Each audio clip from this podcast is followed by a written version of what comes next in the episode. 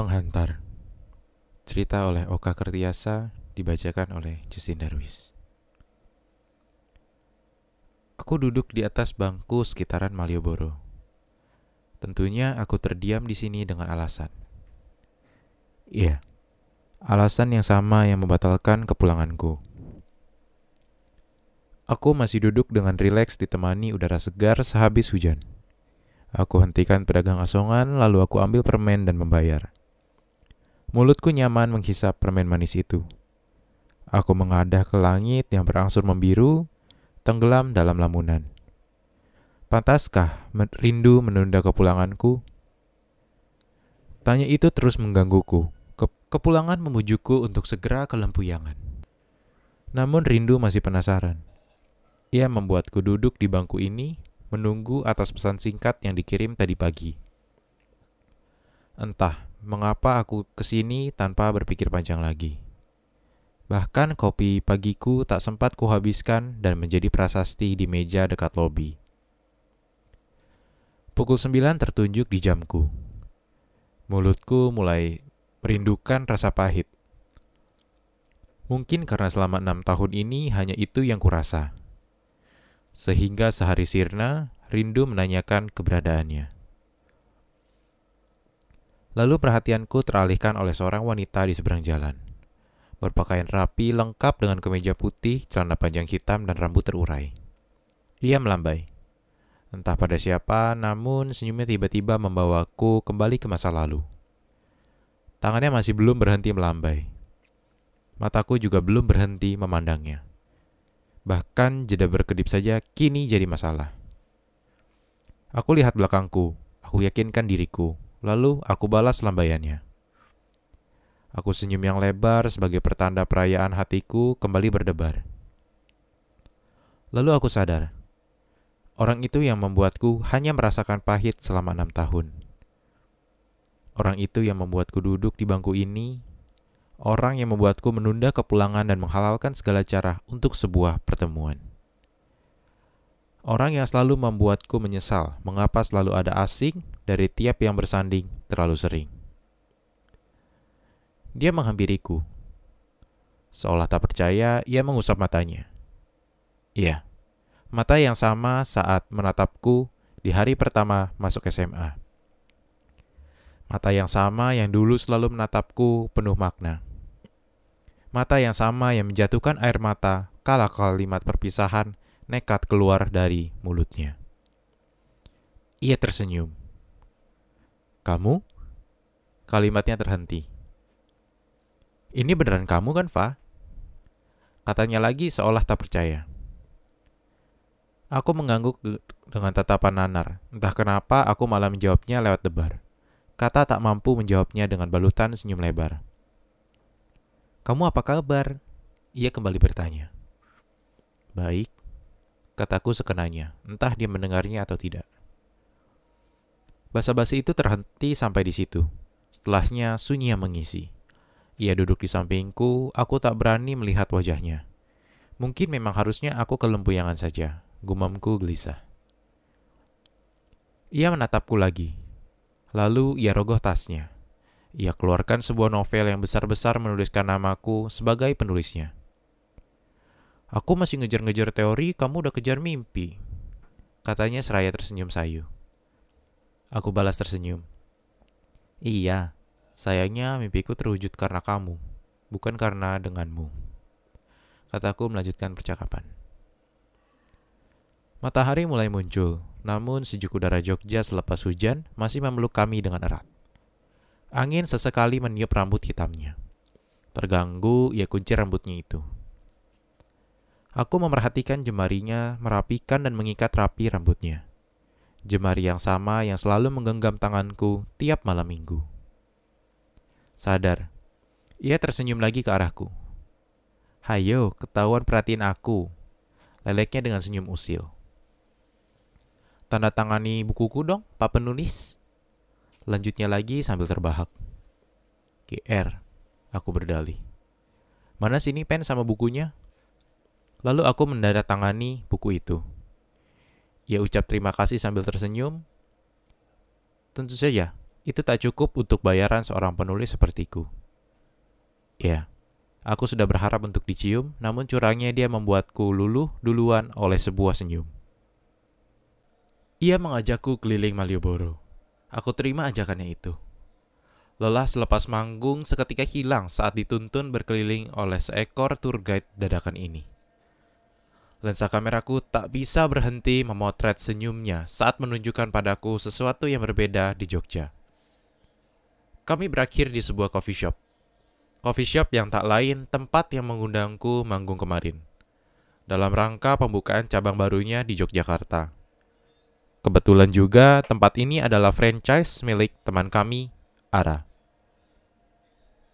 Seperti cafe hits pada umumnya, coffee shop ini ramai pengunjung, apalagi sedang grand opening.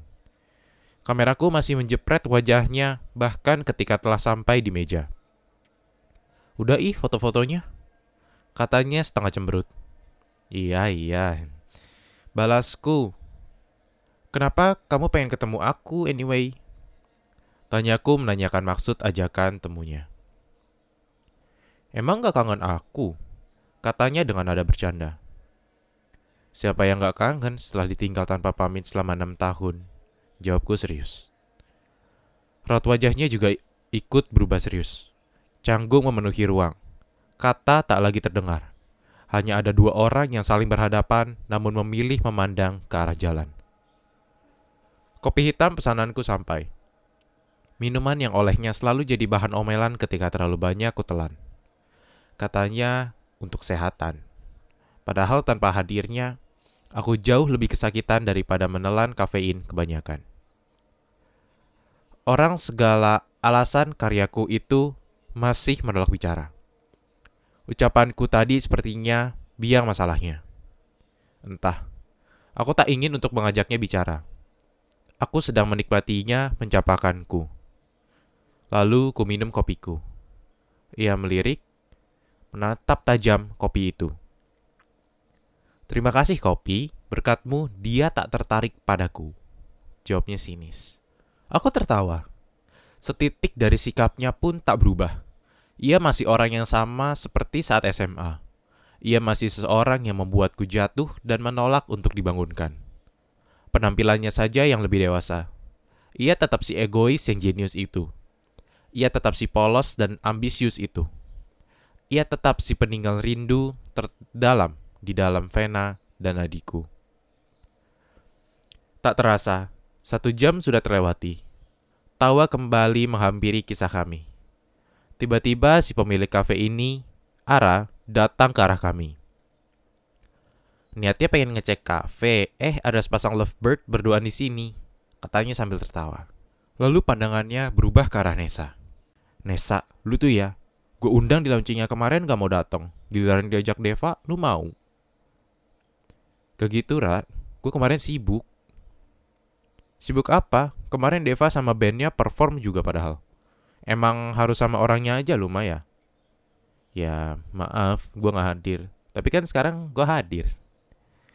Ya udah, nikmatin aja ngobrolnya sama nih orangnya. Awas CLBK. Ara kabur sambil tertawa.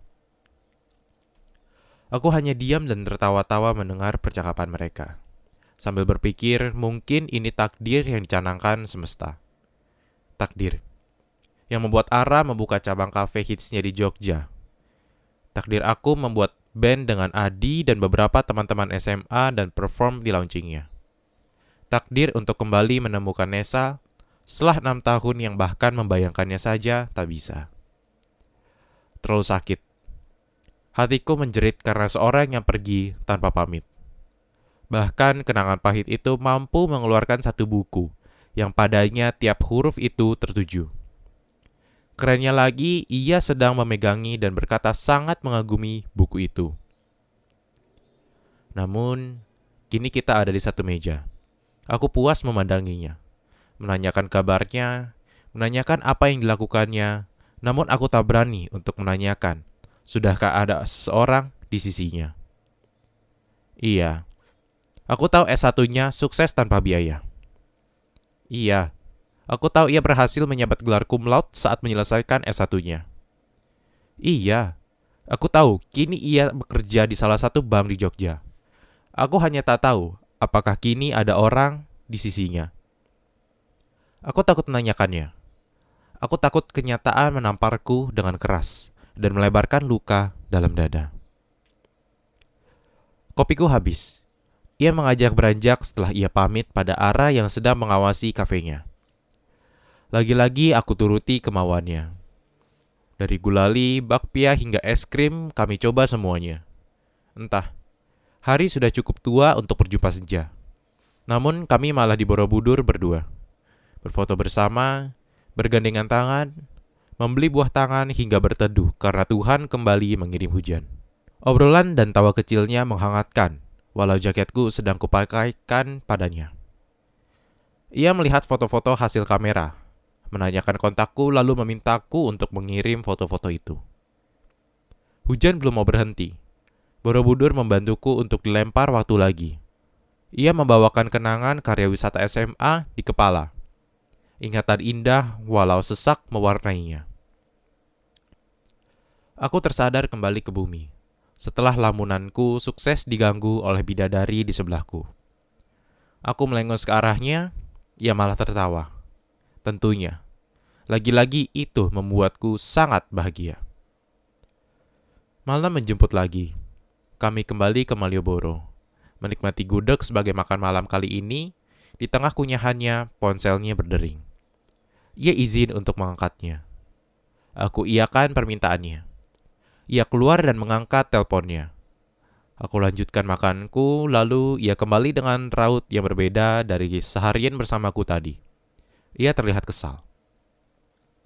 Kenapa? Ada yang cemburu kamu jalan sama aku? Tanyaku yang secara tak langsung mewakili pertanyaan yang dari siang tadi ingin kutanyakan. Entah apa pertanyaanku salah, namun ia kini hanya melirikku tanpa niat untuk menjawab pertanyaan itu. Gudegnya enak ya? Tanyanya balik. Berusaha mengalihkan topik pembicaraan. Tentu, Tingkahnya barusan sukses membuatku terbangu-bangu. Namun pada akhirnya tingkahnya itu kubiarkan saja berlalu. Nesa pamit ingin pulang. Namun sebagai laki-laki tentu aku mengantarkannya. Permodalkan motor sewaan, aku mengantarkannya ke kosannya. Bahkan di perjalanan kami tak habis topik pembicaraan. Hingga pertemuan kami berakhir di sebuah gerbang kosan. Terima kasih. Ucapnya sambil tersenyum.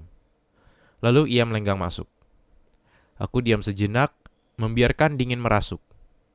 Lalu ada suara gerbang terbuka. Setelah itu ada peluk yang melingkar di tubuhku.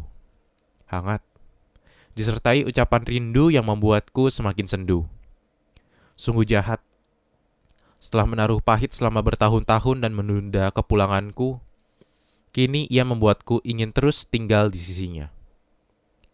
Rasa-rasa itu tanggal begitu saja. Terungkap tanpa kata, tergambar tanpa kanvas atau pena.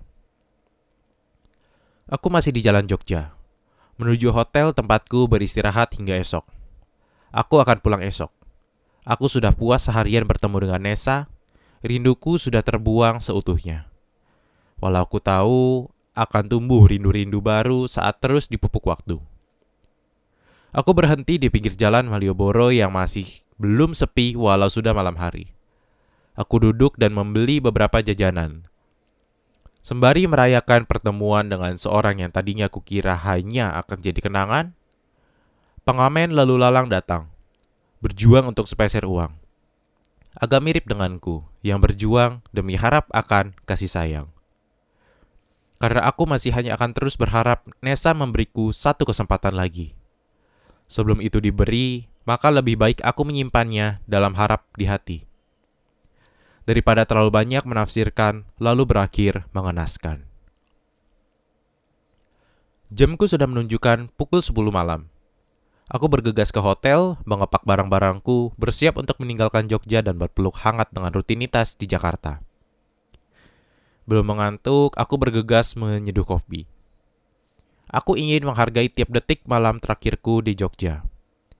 Herannya, tiap menikmati langit Jogja hanya terbayang satu wajah di benakku, membawaku ke dalam memori siang tadi. Lalu terpikirlah, Mitos bahwa bila sulit tidur, ada yang sedang memimpikan kita. Hai, belum puas seharian ketemu aku ya? Tidur yang nyenyak. Maaf, aku nggak bilang besok aku pulang. Gumamku sendirian sembari melihat langit-langit. Sungguh, jika memang ada orang yang melihatku, ia pasti mengiraku sedang sakit. Pada akhirnya aku menyerah untuk memendamnya. Aku ambil catatanku, aku tulis sajak-sajak yang mekar atas namanya. Hujan di tengah gurun. Bagai hujan di tengah gurun. Ada bersyukur di tiap tunggu yang menahun, ada sejuk ketika pipimu naik turun. Bagai hujan di tengah gurun. Sebentar saja akan jadi makna. Seburuk apa akan jadi cerita. Bagai hujan di tengah gurun, kau berikan lagi asa untukku menunggu mendung itu kembali. Aku tutup sajak itu, aku cek ponselku. Ada nama Nesa sebagai pengirim pesan. Namun pesan itu sudah berusia dua jam. Itu juga menanyakan apakah aku sudah tidur atau belum. Aku jawab pesan itu, lalu berpindah ke sosial media lain. Lagi, postingan Nesa ada di timelineku. Kali ini ada fotonya dengan seorang pria. Berpose berdua memegangi bunga dengan caption yang berbunyi, Happy Second Anniversary. Aku diam. Perlahan tiap tawa yang kita bagi siang tadi lenyap. Lingkar peluk itu menguap. Hadirnya menolak menetap. Menarik bagaimana cinta mampu dengan begitu cepatnya mengganti tawa bahagiaku menjadi tangisan yang merdu hancur tanpa residu. Namun, tumbuh atas pilu yang bertransformasi menjadi bibit-bibit rindu. Bibit-bibit rindu itu membunuh tawa, menjadi benalu yang tumbuh sebelum waktu cukup memupuknya. Ia menjalar melilit hati, meretakannya menjadi dua sisi. Mengganti detak menjadi sesak secara presisi, perlahan-lahan mengikat oksigen dalam vena membentuknya menjadi tali yang mengikat arteri, bekerja sama dengan sesal untuk mencegah darah merasuk nadi.